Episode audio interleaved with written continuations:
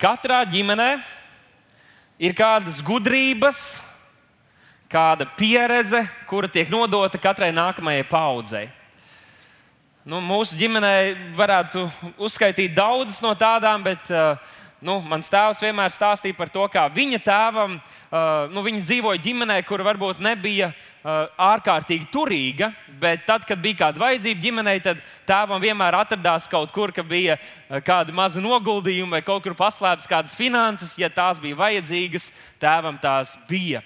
Mans tēvs dzīvoja līdzīgi, un šī ir gudrība, ko viņš ir nodevis arī mums, viņa bērniem, gudri apieties ar naudu, un lai ir kaut kas tāds, kā saka, tas drošības pilvens.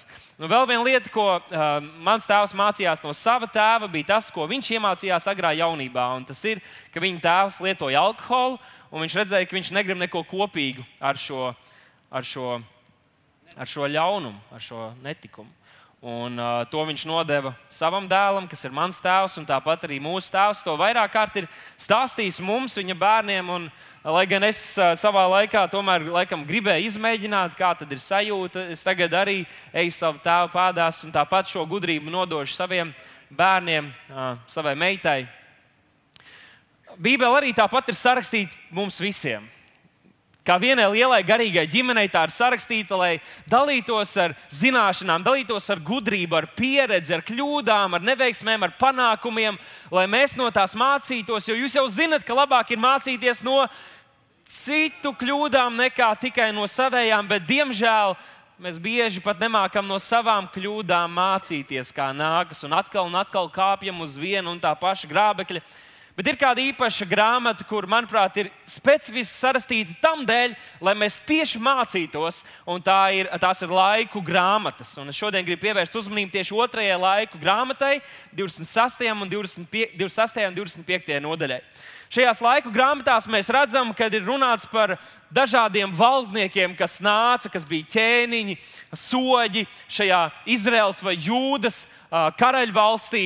Un mēs redzam, gan izveikti vienā nodaļā ir ietilpināta visa viņa dzīve. Un, ja tā virspusīgi mēs pārlasām šos Bībeles stāstus, varētu domāt, ka tie visi ir vienādi, ka tie visi ir līdzīgi.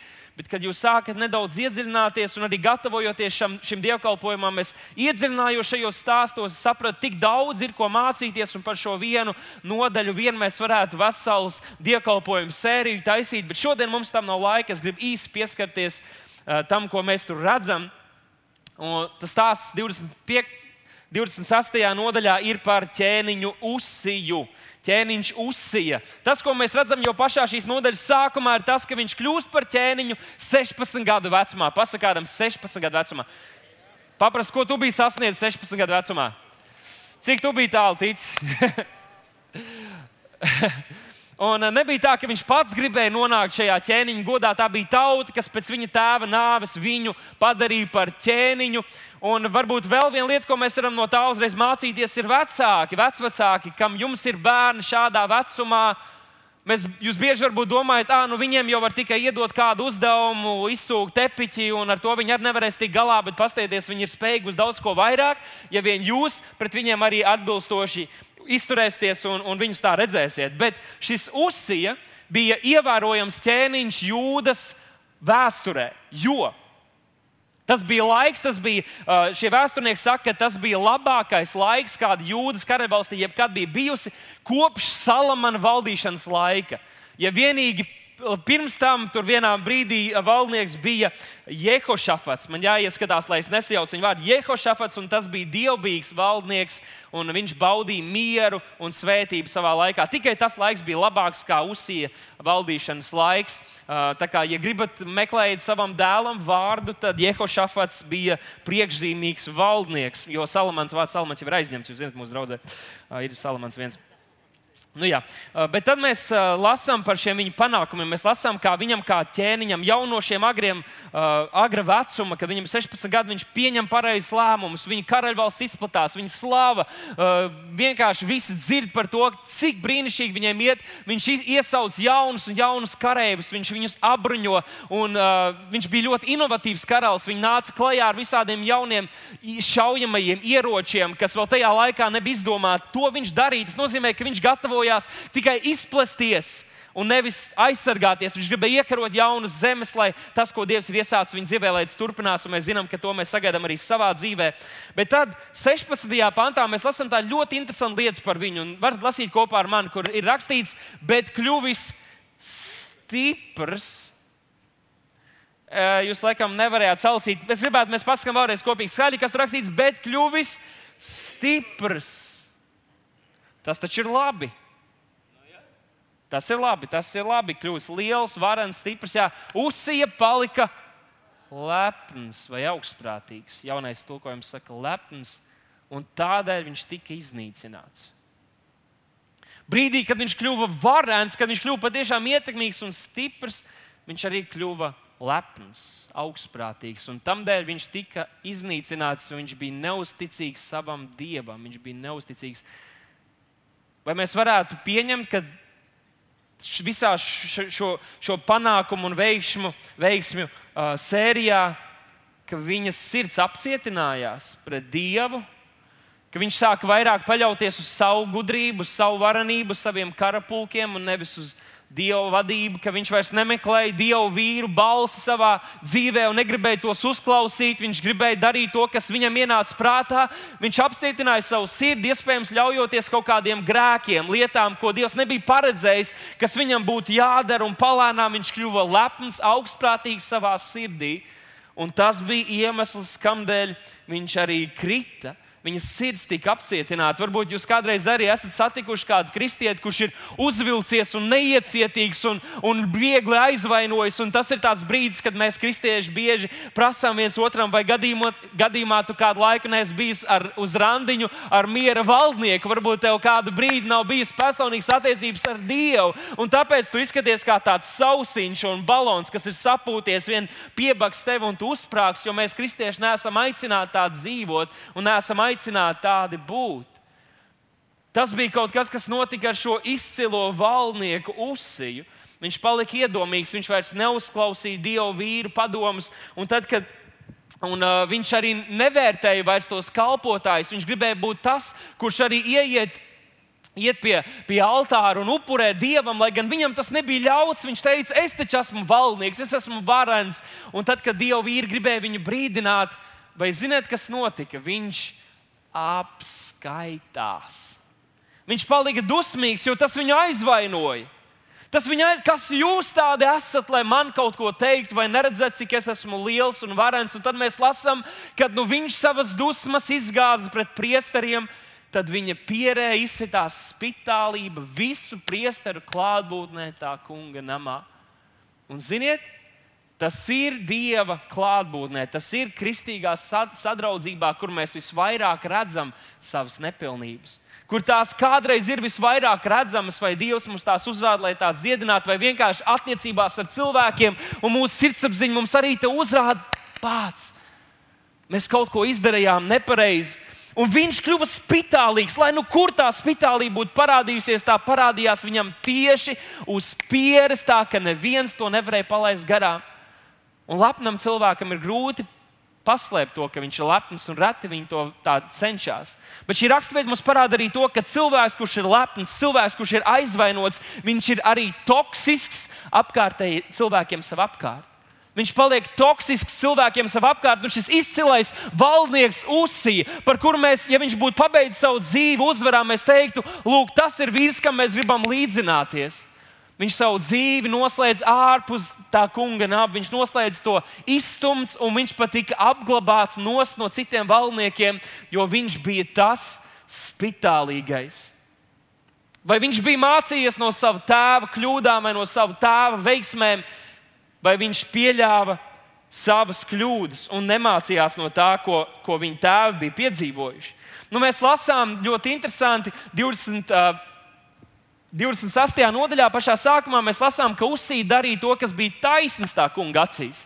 Tātad viņš tiek uzslavēts, un tad rakstīts gluži tāpat, kā to viņa tēvs amats ja bija darījis. Viņš rīkojās tieši tāpat, bet iznākums bija diezgan dramatisks un slikts. Bet paskatīsimies par viņa tēvu, ko mēs lasām par viņa tēvu. Par viņa tēvu ir rakstīts šādi vārdi. Tas ir par viņa tēva amats. Jo rakstīts, viņš gan darīja to, kas ir taisnīgs tā kunga acīs. Tas ir labi.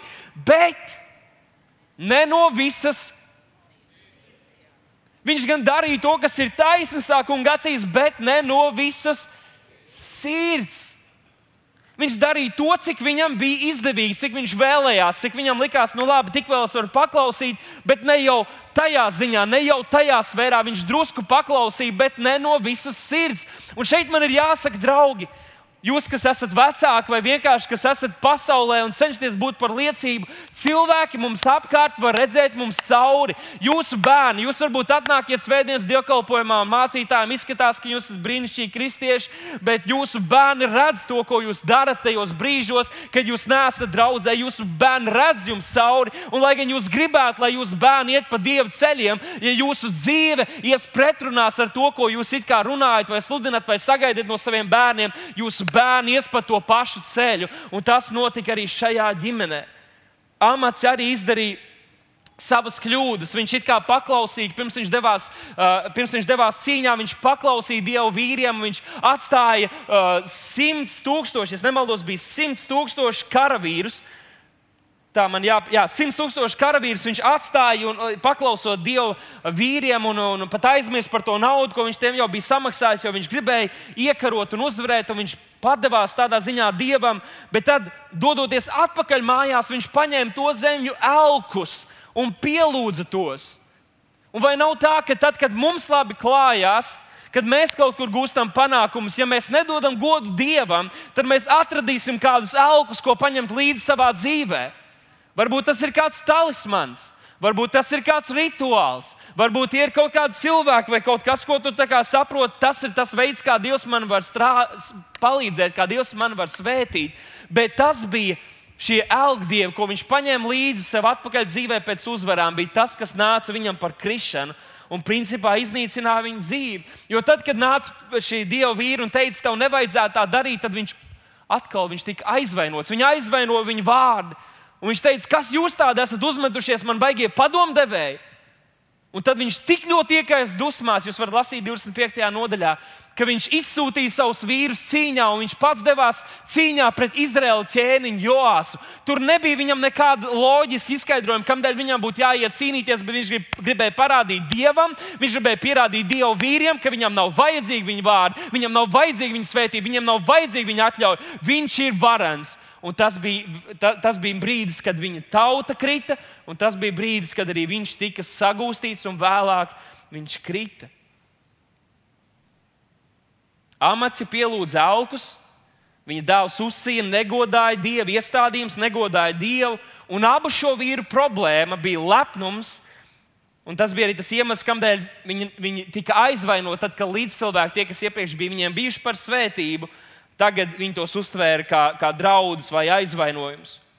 Tos līdzcilvēkus, kurus viņi iepriekš uzskatīja par dievu sūtītiem savā dzīvē, viņi sāk redzēt kā kaut, kādus, kas grib viņus aplaupīt, kas grib viņus apzakt. Un, draugi, jūs vēl neesat atkoduši šo tēmu. Šodien es gribu runāt par ļoti, ļoti grūtu tēmu. Un tā ir aizvainojuma gūstā. Aizvainojuma gūstā. Paprast tam, kas tev sēž blakus, vai tu esi brīvs. Vai tu esi brīvs? Aizvainojums sakņojas lepnībā, sapņo, sakņojas augstprātībā. Un ir kāds citāts, kas man liekas ļoti, ļoti interesants un būtisks par ko padomāt. Un tas ir lepnums, ir lielākais attālums starp diviem cilvēkiem. Lepnums, lielākais attālums vai lielākā distance starp diviem cilvēkiem. Sies Lūis, viens brīnišķīgs kalpotājs, jau daudz gadus atpakaļ teica, tā, ka lepnums ir garīgs vēzis, tas sēd iespējamību mīlēt un domāt ar skaidru prātu. Bet ilgi pirms tas notiek mūsu dzīvē, pirms mēs kaut ko izdarām, kaut kā sabojājam attiecības, tas sāks mūsu sirdīs, tas sāks mūsu domās, kur mēs ļaujam visādām domām ieperināties mūsu dzīvē. Un es domāju, ka nav neviens šajā zālē, kurš to nebūtu piedzīvojis, ka pirms tam atrodoties brīnišķīgās attiecībās, varbūt tā ir laulība, varbūt tie ir draugi, varbūt tā ir tava ģimene, kurā, tu, kurā tu atradies, kas bija brīnišķīgas attiecības viens, un divi, un trīs, un četri, un pieci. Pēc brīža tu skaties, ka tās attiecības ir kļuvušas par, ja tā var teikt, dzīvu L zemes virsmu. Un Jēzus Mateja evanģēlīja 5. nodaļā mums atklāja tādu jaunu veidu, kā skatīties uz attiecībām. Viņš runāja par daudziem, daudzām gudrībām, kuras sentēvi bija nodevuši Izraēlu bērniem, bija nodevuši Izraēlu bērniem, kuras šīs gudrības kādas mūzes tiem bija devis. Un Jēzus to apgriez kājām gaisā un pateica šo patieso un vēl lielāku atklāsmu, lielāku gudrību. Un es gribētu, lai mēs apskatām vārdus, kādus Jēzus teica. Un tur mēs lasām, Jēzus saka, jūs esat dzirdējuši, ka tēva tēviem ir sacīts, nenogalini, un kas nogalina, tas nododams tiesai. Draugi, ja mēs dzīvotu vecajā darbā, mēs ar šito tiktu galā. Tas ir tik vienkārši. Vienkārši nenogalina. kad ir pēdējā reize, kad jums kāds ieteica to, kad jūs bijat tik, tik ļoti iekrituši dusmās un teica, dari visu, ko tu gribi, galvenais nenogalina to cilvēku. Nu, to mēs jau saprotam, bet šeit Jēzus saka, bet, mēs zinām, ja Jēzus saka, bet, tad mums ir jāieklausās. Tur kaut kas sagaidīts tāds grūts, sarežģīts. Un tur viņš teica, bet es jums saku, Ik viens, kas uz savu brāli dusmojas, nododams tiesai. Wow! Jūs, ja, ne, ja jūs nepamanījāt, tad viens un tas pats sots sagaida gan to, kas nogalina, gan to, kas dusmojas jaunajā darbā. Wow! Paldies par jūsu entuziasmu! Vai tiešām Jēzus pielīdzina nogalināšanu vienkārši sirds dusmām uz kādu cilvēku. Nu, labi, man nav brālis, man ir tikai māsa ģimenē. es esmu, man ir ļoti droši, piemēram, Salmans. Viņam, nav, viņam tikai māsas ir pagaidām. Viņš ir drošībā, bet šis vārds, protams, tas pirmkārt runā par mūsu tuvākajiem, par brāļiem, māsām, mūsu ģimeni. Jo tieši tie cilvēki, ar kuriem mums ir tuvākās attiecības, ir tie, kuri visvairāk, ar kuriem mēs varam visvairāk šīs intīmas attiecības izveidot, bet tajā pašā laikā tur lielākais draudz arī tikt aizvainotam, tikt sāpinātam un saņemt šīs saduršanās. Bet šis vārds brāļi patiesībā, ja mēs skatāmies tā īsto nozīmi, tas runā par visiem cilvēkiem. Brāļi, kas ir kā visi cilvēki, cilvēks, visi mūsu nācijā, visi, kas ir mums apkārt, ar ko mēs satiekamies, ar ko mums ir attiecības. Ja jūs sakat, Jūs, jums teica, nenogaliniet, un to jūs esat iemācījušies, bet es jums saku, nedusmojieties.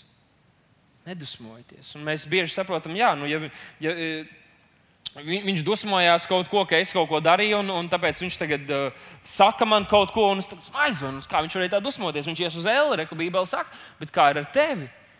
Vienalga, kurš ir vainīgs, vai tu to iesāki, vai kāds cits to kaut ko pateicis, vai kaut kas notika. Vai visbiežāk šādās situācijās tas viss notiek mūsu galvā. Nekas reāli nav noticis. Cilvēki, kas ir apkārt, pat neko nav pamanījuši. Tu esi aizvainots, es pat nepamanīju. Man liekas, ka tas bija kom, eh, kompliments. Nē, viņš tā pateica, paskatās, kā viņš paskatījās. Tas viss notiek mūsu galvā un ienaidnieks tur mums, kā mūsu mācītāji teikt, čakarē smadzenes. tas bieži ir mūsu galvā, mūsu domās. Bet šeit Jēzus saka tik tāds drastisks vārds, un tad viņš turpina, viņš tur neapstājās. Viņš turpina 22. pantā, viņš saka, ik viens, un es lasu jauno tulkojumu, vienkārši lai jūs redzētu, eh, kādēļ daži šo tulkojumu nelieto savos Bībeles lasījumos. Tur rakstīts, ik viens, kas uz savu brāli saka, nejēga, tas ir šis grieķu valodas vārds raka, kas nozīmē bezjēdzīgs, nevērtīgs, kad mēs izturamies pret citiem kā, kā nevērtīgiem, kā tādiem, kas, na, kas ir zemāki par mums. Tad šeit Bībelē saka, tas ir nododams sinedrijam, kas ir tiesa bet kas uz savu brāli vai tuvāko vai cilvēku sev līdzās saka, jums jāpalīdz. Sakam kopā, pirmā reize draudzē prieka vēst, ka mēs pateiksim šos vārdus, lasām kopīgi, ko Bībele saka. Tur rakstīts, stulbais bezdievi, tas nododams elles ugunīs. Elles ugunīs. Jēzus iesāk šo raksturvietu sakot, ka Viss sākas domās. Ja mēs netiekam galā ar savām domām, tad jau mums sagaida sots. Viņš teica, ja jūs iekārojat sievieti, jums pat nav ar viņu jāpārgļu. Ja tu savā domās iekāro sievieti, tu jau esi laulībā pārkāpis, tu jau esi grēkojis pret Dievu un tev nav būtībā cerības, ja vien tu nenožēlo savus grēkus un nemaini savu dzīvi. Bet, ja jūs sakat, tas iesāks tavās domās, bet tad tas aiziet uz taviem darbiem un taviem vārdiem, un tas sabojā tavu dzīvi un tavas attiecības ar cilvēkiem, var pilnībā izmainīties, kļūt par elzemes virsū. Un es esmu kaut ko tādu piedzīvojis. Jā, jā, es atceros, kā mums toreiz bija. Es to parādīšu tev. Nē, es jokoju. Es biju Somijā, kādu laiku atpakaļ dzīvoju uh, Somijā, kad vēl bija jauns un naivs. Man liekas, ka uh, kā saka, vis, eh, visu varu, ko es gribu darīt, bet bija tāda iespēja. Un, uh, tur es aizbraucu, un sākumā, ziniet, kad tu tikko satiec jaunu cilvēku, tad diezgan vienkārši attiecības veidot. Jūs visi iepazīsties, esat piesardzīgi, Bet tad tur ir īgauni, tur kaut kādas kā kliķas veidojas, maziņas grupas, un, un tev liekas, ko viņi tur, tu viņiem pasaki kaut ko, tie ir aizvainojušies, tie pasaki tev, un tad tu ar to parunā, tad viņi dzird vai domā, ka tu viņiem kaut ko pateici, tie aizvainojas. Dažu mēnešu laikā visa mana atrašanās tur kļuva apdraudēta. Un, ja tev skolas vadība grib zvanīt taviem vecākiem, lai viņi brauc tev pakaļ, viņi vairs nevar ar tevi samierināties tur uz vietas, un tu sabojā visu vidi skolā, tad tu laikam esi ziepēs. Un tad man bija jālieto visas manas manipulēšanas, pārliecināšanas spējas, lai panāktu, ka viņi notic, ka es tomēr labošos vai vismaz nepadarīšu lietas sliktākas. Jā, Tu aizbrauc tur, bija kā brīnišķīgi, skaisti, likās, nu, tik būs dzīve, un tad pēkšņi saproti, ka tev ir sabojāts attiecības ar visiem. Attiecības jau ir tas, kas ir tas pats svarīgākais. Pat ja ir grūti, ja mums ir labas attiecības ar līdzcilvēkiem, ir tie, kas mūs atbalsta un tic par mums un mīl mūs, tad mēs varam tikt galā ar pilnīgi jebko. Tādēļ ir svarīgi, lai mums ir labas attiecības ar līdzcilvēkiem, svarīgi, lai ir labas attiecības draudzē. Bet, ja es saku, ieilgas konflikts, konflikts, kas turpinās, kas netiek atrisināts, kas netiek atlaists, tas, tas, tas vienkārši var padarīt mūsu dzīvi par elli. Un šeit ir doma, kur varbūt jūs daudz pārsteigts, bet tā ir, ka gandrīz visi cilvēki ir aizvainoti. Mēs dzīvojam tādā laikā, ka gandrīz visi cilvēki ir aizvainoti, un ja viņi vēl nav aizvainoti, pagaidi minūti, vai aiziet pie viņiem klāt, parunājies ar viņiem. Tur redzēs, viens, divi, trīs un būs gatavs. Tiešām mēs dzīvojam tādā laikā, kad cilvēki ir aizvainoti. Cilvēki tagad pat apvainojās, jo tu pasaki, ka viņš piedzima kā vīrietis. Un tu skaties uz viņu, viņam viss ir dots. Viss, ko Bībelē saka, kas vīrietim piemīt, viņam tā ir. Tu pasaki, tu esi vīrietis, viņš ir apvainojies. Tagad tu pasaki, ka tu esi gaļas ēdājs. Nē, pusi sabiedrības apvainojas, saka, tu esi briesmonis, tu ne, necieni dzīvniekus, nevar nemīli dzīvniekus un tam līdzīgi. Tad tu saki, labi, es vairs neēdīšu dzīvniekus, atkal citi ir apvainojušies. Būt ir cilvēki, kas vienkārši staigā un meklē, uz ko apvainoties. Kas tev atkal sāpinās? It kā tev būtu vēl viens kaut kāds, mm, viena vieta tavā ķermenī, kur vēl neviens nav iedūris, un tu meklē un prasa, kam vēl ir kaut kas, ko iedurt. Man vēl šī ir tāda laba sajūta, vai ir kāds, vai ir kāds, vai ir kāds. Un, diemžēl kristieši bieži ir vēl vairāk jūtīgi. Vēl vairāk apvainojas nekā pasaulē. Pasaulē bieži cilvēki uzņem jociņu un iet tālāk. Kristieši, Ah, es nemāku tās, tās eh, visas sevis izteiksmes, kā mācītājs rādīt. Jums vienkārši jātic, ka es tagad gribētu tā parādīt. Kā tu man tā pateici. Tu esi zaglis, kas nāk vienīgi, lai zaktu, nokautu no. Bībelē mums atklāja, ka zaglis nāk vienīgi, lai zaktu, nokautu un nomaitātu. Ja es teicu, es esmu nācis, lai tiem būtu dzīvība un dzīves pārpilnība, tas nozīmē, ka tad, kad šķelšanās nāk mūsu vidū, kad mēs ļaujamies aizvainoties, tad vēlams gūst virsroku mūsu dzīvēm. Tas ir brīdis, kad vēlams gūst virsroku. Tas ir brīdis, kad mūsu dzīvēm atverās durvis. Un tu vari vainot un teikt, jā, viņam jau jānāk man atvainoties, bet tas baļķis iespējams ir tavā acī. Iespējams, ka tu esi tā problēma. Un šeit tā pavisam skaidri pasakot, jā, un tātad šeit tāda doma. Nav iespējams vienlaicīgi būt gan laimīgam, gan aizvainotam. Pasaki to kādam, vienkārši mums jāsadzird. Nav iespējams vienlaicīgi būt laimīgam, un aizvainotam. Jo ir grūti būt laimīgam, ja tu esi viegli aizvainojams, un iespējams, ka aizvainojums mēs visu laiku ikdienā saskaramies. Aizvainots cilvēks ir ievainots cilvēks. Un, ja cilvēks ir ievainots, ja cilvēks ir ievainots, tad, tad viņam sāp. Ja tu gribi būt laimīgs, un šo tu vari pierakstīt un padomāt par to, esi mazāk aizvainojams.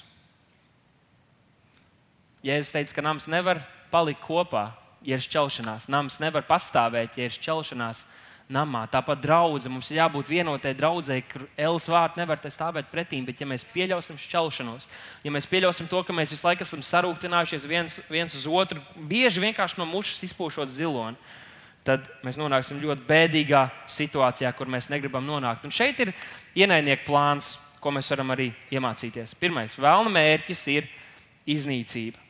Vēlns ir atnācis, lai iznīcinātu, lai apzaktu, lai nokautu. Otrais, mēs redzam, ka vēlna stratēģija ir šķelšana. Viņš grib šķelt draugu, viņš grib šķelt ģimenes. Tādēļ mēs skatāmies, tums iet vairumā mūsu sabiedrībā, un aizvien vairāk ģimenes nevar pastāvēt kopā, aizvien vairāk problēmas. Viņš šķeļ visu, ko Dievs ir savienojis, viņš cenšas šķelt. Bet viņa taktika ir aizvainojums. Viņa taktika ir aizvainojums. Varbūt esat skatījušies kādreiz National Geographic, vai jums dzīvē ir bijusi iespēja to redzēt, kad plēsējs meklē savu upuri. Tad tie dzīvnieki, kas ir skaitāmais upuris, viņi ļoti bieži ir tādā pulkā, visi kopā. Un tad plēsējs skrejot viņiem garām, viņš cenšas panākt, lai kāds no tā pulka, no tā bara, lai viņš noklīst viens pats. Jo, ja viņš ir viens, tad viņš ir viegli ievainojams. Un tas ir tas, ko ienaidnieks arī cenšas darīt ar mums. Vēlams sāk darboties mūsu dzīvēm ar pavisam mazām lietiņām, ar maziem aizvainojumiem, ar mazām, ar mazām problēmiņām, ar, ar, ar maziem vārdiem, ko kāds ir pateicis. Un tad mēs zinām, ka Jēzus, Jēzus runāja par tādu ļoti interesantu lietu. Viņš runāja par skabargu un par baļķi. Par skabargu un par baļķi. Un viņš teica, kāpēc mēs meklējam skabargu situāciju, un mēs neredzam baļķi savā acī. Kāds mums kādreiz nu, pasakā kādu vārdu, kaut ko, nu, jā, mēs kaut ko padzirdam, kāds kaut ko ir teicis. Un mums ir problēma. Mēs staigājam apkārt pasauli ar tādu baļķi acī. Ar tādu baļķi acī. Nav svarīgi, ko viņš ir teicis. Un, ziniet, katrs baļķis, vai šajā gadījumā šis dēls, sastāv no daudz tādām koku šķiedrām. Viņš nav vienkārši viens veselums. Tur, nu, ja viņi izjauktu, viņi kāds pastrādā, tur būtu ļoti daudz visādi sīkumiņu kopā, salipuši kopā. Un tas ir tas arī, kā tas baļķis izveidojas mūsu acīs. Mēs aizejam kaut kur, tur kāds kaut ko pasakā, tur kāds kaut ko pasakā, un baļķis mūsu acīs. Un kad, kad, kad, kad tas baļķis ir tavā acī, ir ļoti grūti redzēt skaidri. Jo visur, kur tu ej, ko tu redz priekšā? Baļķi. Visur, kur tu ej, ir baļķis. Un tad tu kaut ko centies saskatīt, tu redz kaut kādu maliņu no savu baļķu, tu redz, ka tev tur ir tāds kabargs, bet tev ir reāli, tev ir reāli baļķis.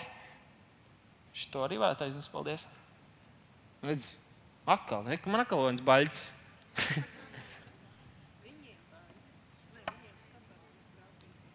Skatieties! Dievs radīja mūsu attiecībām. Pirmkārt, attiecībām ar sevi un attiecībām ar līdzcilvēkiem. Nu, viņi iedomāsimies, ka šis ir tā tāds no ēdienas dārsts vai vienkārši dārsts, kas simbolizē tās ideālas, izcils, dievbijīgas attiecības. Nu,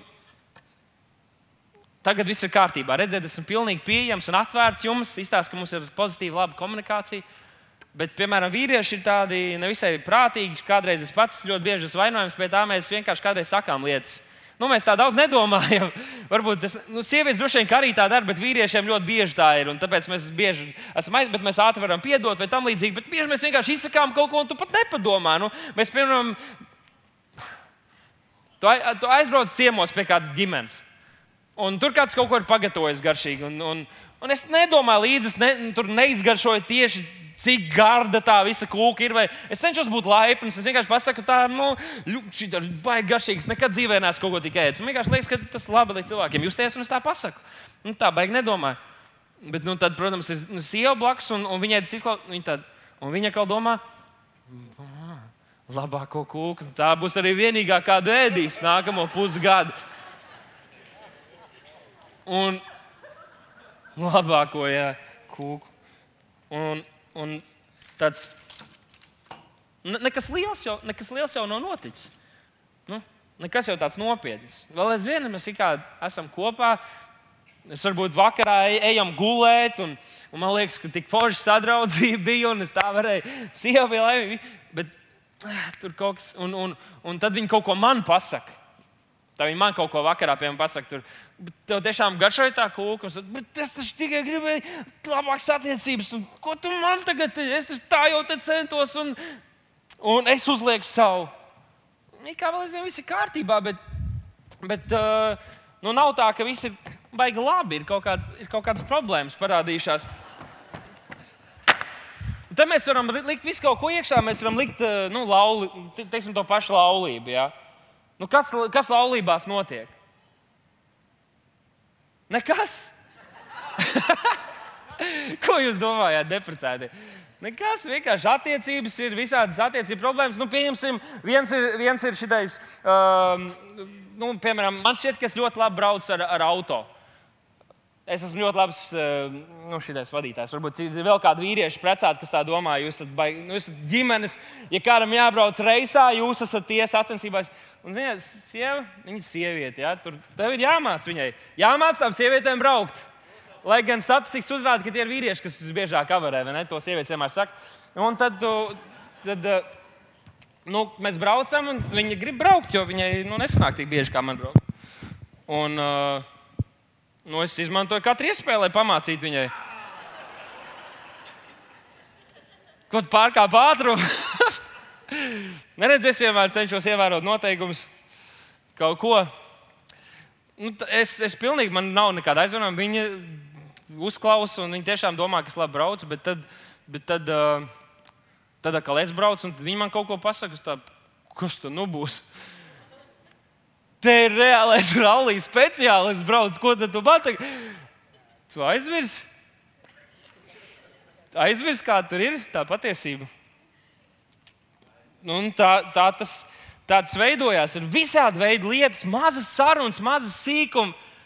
Mazas sīkumas atnāk, atnāk mājās no darba, liek, tur, nu, un, un, un viņi saka, reku, paņem meitiņu. Kāpēc man jāņem tā meitiņa? Un tu jau tā nesaki. Bet vārds tāds, man vajadzēja atpūsties, tagad vajadzēja ko, kokteilīt sagatavot. Tu viņai kaut ko pārmet. Viņa saka, jā, jā, par nakti varbūt šonakt tu piecelies par nakti kaut vienu reizi, kad meitiņa ceļās. Mēs tā, turpinām. Es jau nerunāju par sevi, tās jūsu problēmas. Jūs tagad domājat, man te grēksūdz ir, es jums nestāstīšu, kas mums notiek. Es pa jums runāju. Pasties spogulī, spogulī paskaties. Un kas? Mēs cenšamies būt labi liecinieki, mēs cenšamies kaut ko nu, ar cilvēkiem darboties un, un, un runāt. Un tad, zināmā kādi ir, ir tie nekaunīgie. Viņi pasaka kaut ko par Bībeli, pasmējās, kaut ko pasaka par Dievu. Pats kā iedzeļ. Jēzus viņi nekad neuzdrīkstētos kaut ko tādu pateikt. Nekad klanītos Jēzus priekšā. Man nekad vairs neko neteikšu viņiem. Ne? Ir tas sāpīgi. Ir sāpīgi, ka kāds pasmējās par tavu ticību, to, kas tev ir vērtīgs, kas tev ir svarīgs. Ritīgi iedzeļ.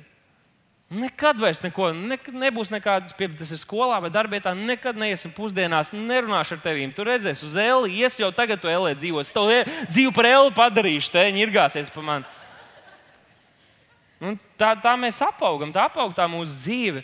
Nekas jau daudz nav noticis, bet es jau mazliet jūtos, nu, jūs varbūt redzat, es kaut kā neesmu vairs īsti ar jums, es kā esmu kopā, bet kaut kas mūs šķir un kaut kā tās attiecības veidojās. Nu, padomāsim par draugu. Draudzē jau gan nekas tāds nenotiek.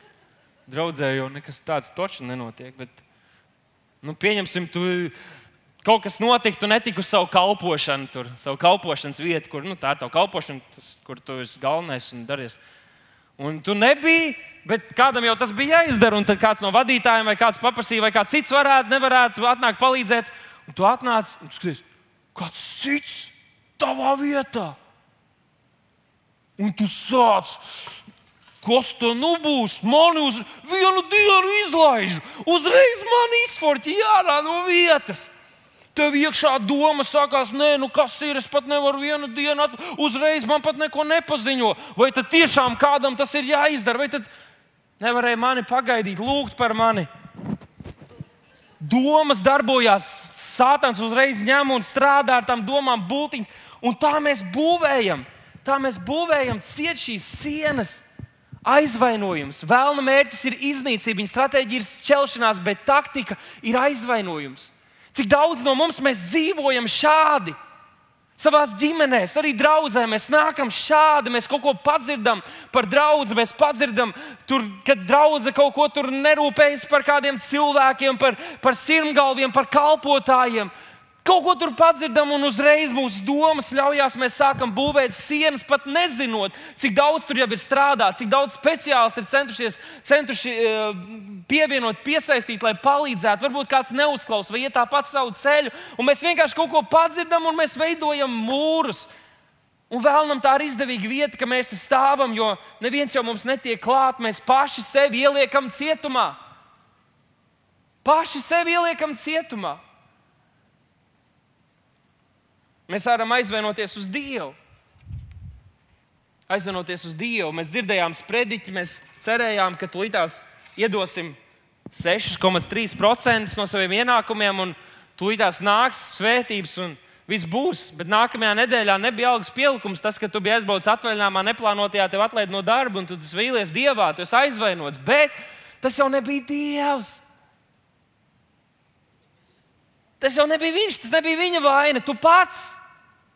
Mēs paši ceļam, savu, ciet, ceļam šos mūrus, šos aizvainojumus. Mēs paši ļaujamies tam. Mēs paši sevi ieslogam. Kāda tad ir tā atbilde? Mēs kādreiz attiecībās arī jūs esat, to esat piedzīvojuši. Mēs, kā, redz, mēs esam kopā, viss ir kārtībā. Bet, uh, un tad mēs tā vienā dienā domājam, kā mēs tik tālu nonācām?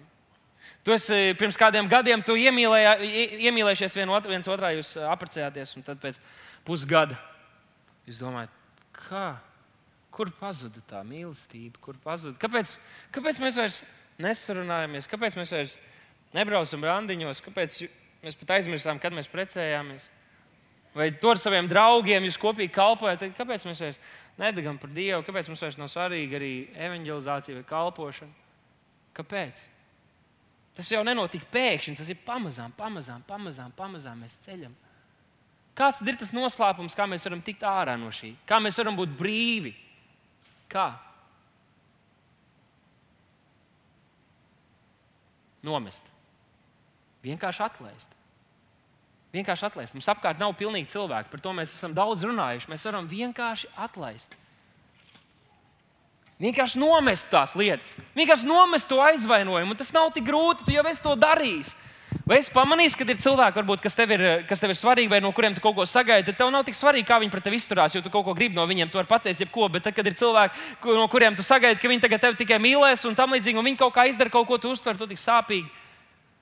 Un tas ir divi no iemesliem, kāpēc mēs esam aizvainoti. Viens ir tas, ka nav apmierināts mūsu gaidas, Un kādreiz mēs sagaidām, o, es esmu tik svarīgs, es esmu tik garīgs, es esmu tik, uh, tik nozīmīgs, un kā tu tā izturējies pret mani, bet mūs var aizvainot tikai tad, ja izturās veidā, kā mēs domājam, kā mēs, ne, kā mēs sliktāk nekā mēs sagaidījām, kā pret mums vajag izturēties. Un, ja jūs teicat, mums vispār būtu jābūt vienotram kalpam, mums nebūtu vispār jāsagaida, ka kāds mūs te baigi cels un ka svarīgākos draudzē liks priekšā, un tam līdzīgi mums jābūt visiem vienam otram kalpam.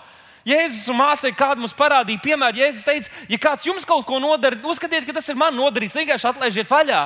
Un tāpēc es tagad metīšu lejā, un jums vienkārši pravietiski ir jāierauga un jāsaka arī, jāatgādina to sev. Vienkārši atlaid vaļā, met zemē, ja, ja tas ir tavs aizvainojums. Varbūt tavs dzīves draugs kaut ko tev ir nodarījis. Atkal un atkal saki, atlaid vaļā, met zemē, saka, met zemē.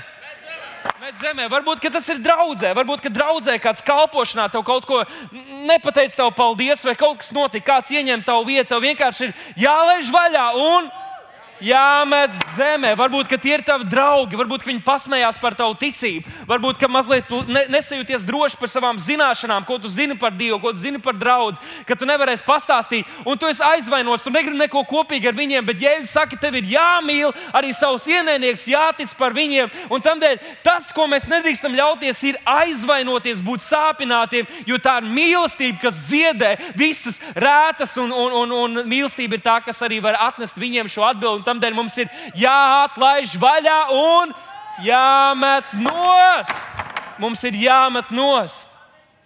Es domāju, mūsu vidū varētu būt attiecības ar bērniem, kādiem vecākiem, kam varbūt bērni ir izauguši un jūs esat vīlušies. Varbūt viņi jums neklausīja, varbūt viņi izvēlējās savu ceļu, varbūt jūs ļoti centāties, darījāt visu, ko varējāt, un tagad jūs esat sāpināti, viņi turpina iet nepareizā virzienā, un jums vienkārši grauž, un jums ir tāds, kā jūs to varējāt man nodarīt, bet tā ir viņu dzīve. Tev ir jāatlaiž vaļā, stāvi ticībā, lūdzu, bet atlaid vaļā, lai mīlestība var piepildīt tevi. Tāpēc atlaid vaļā un mēģini nost!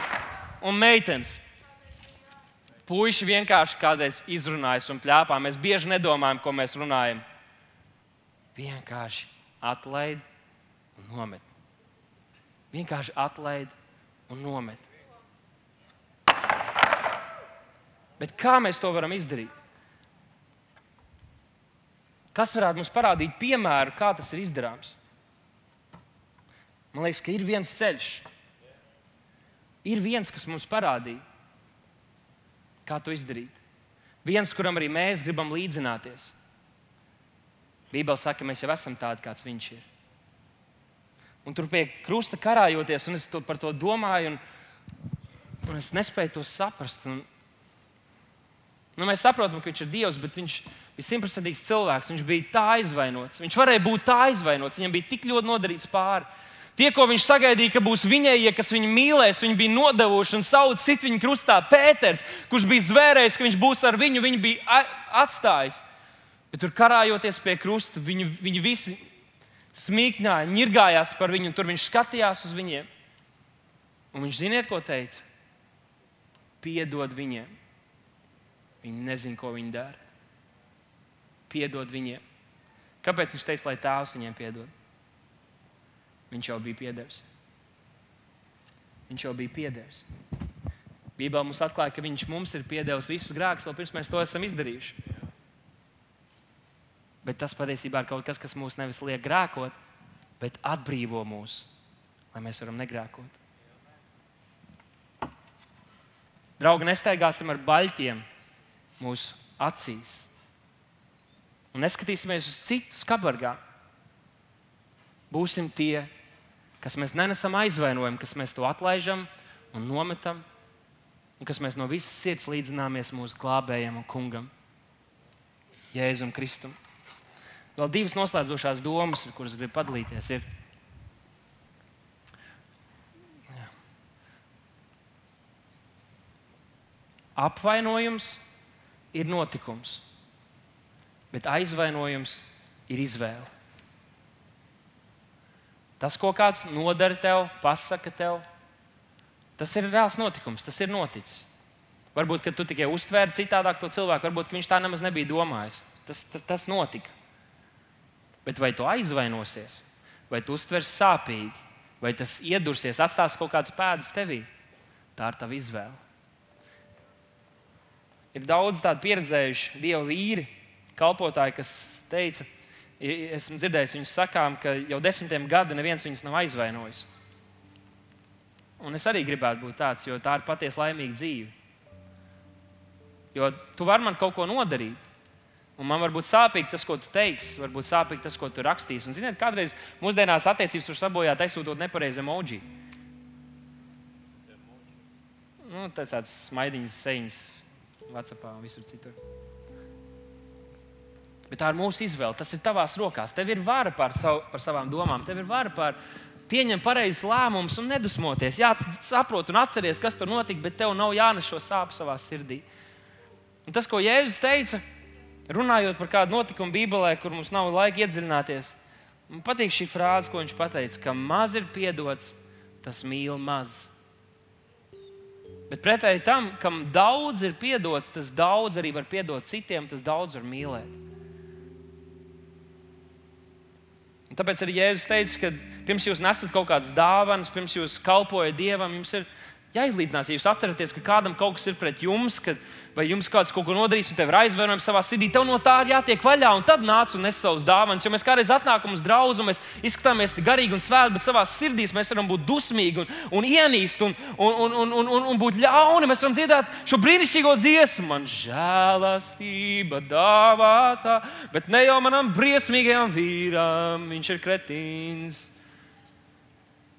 Mēs varam pasmieties, bet mēs bieži nākam tā Dievu priekšā.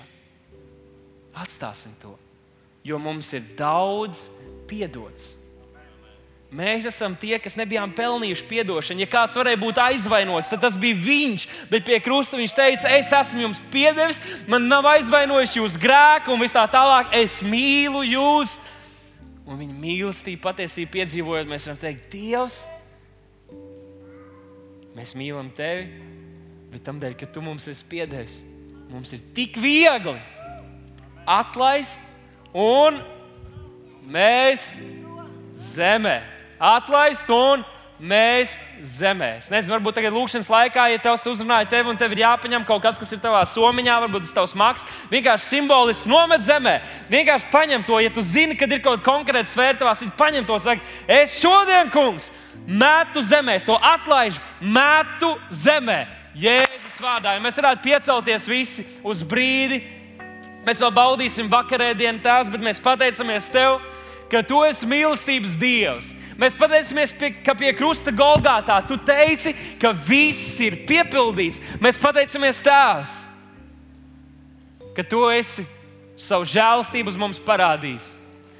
Un dod mums spēku, dod mums drosmi un varēšanu, ticību, neturēties pie šiem aizvainojumiem, nemeklēt tos, bet piedot un atlaist un nomest to zemē, lai mēs dzīvotu brīvi un lai mēs dzīvotu tavā mīlestībā.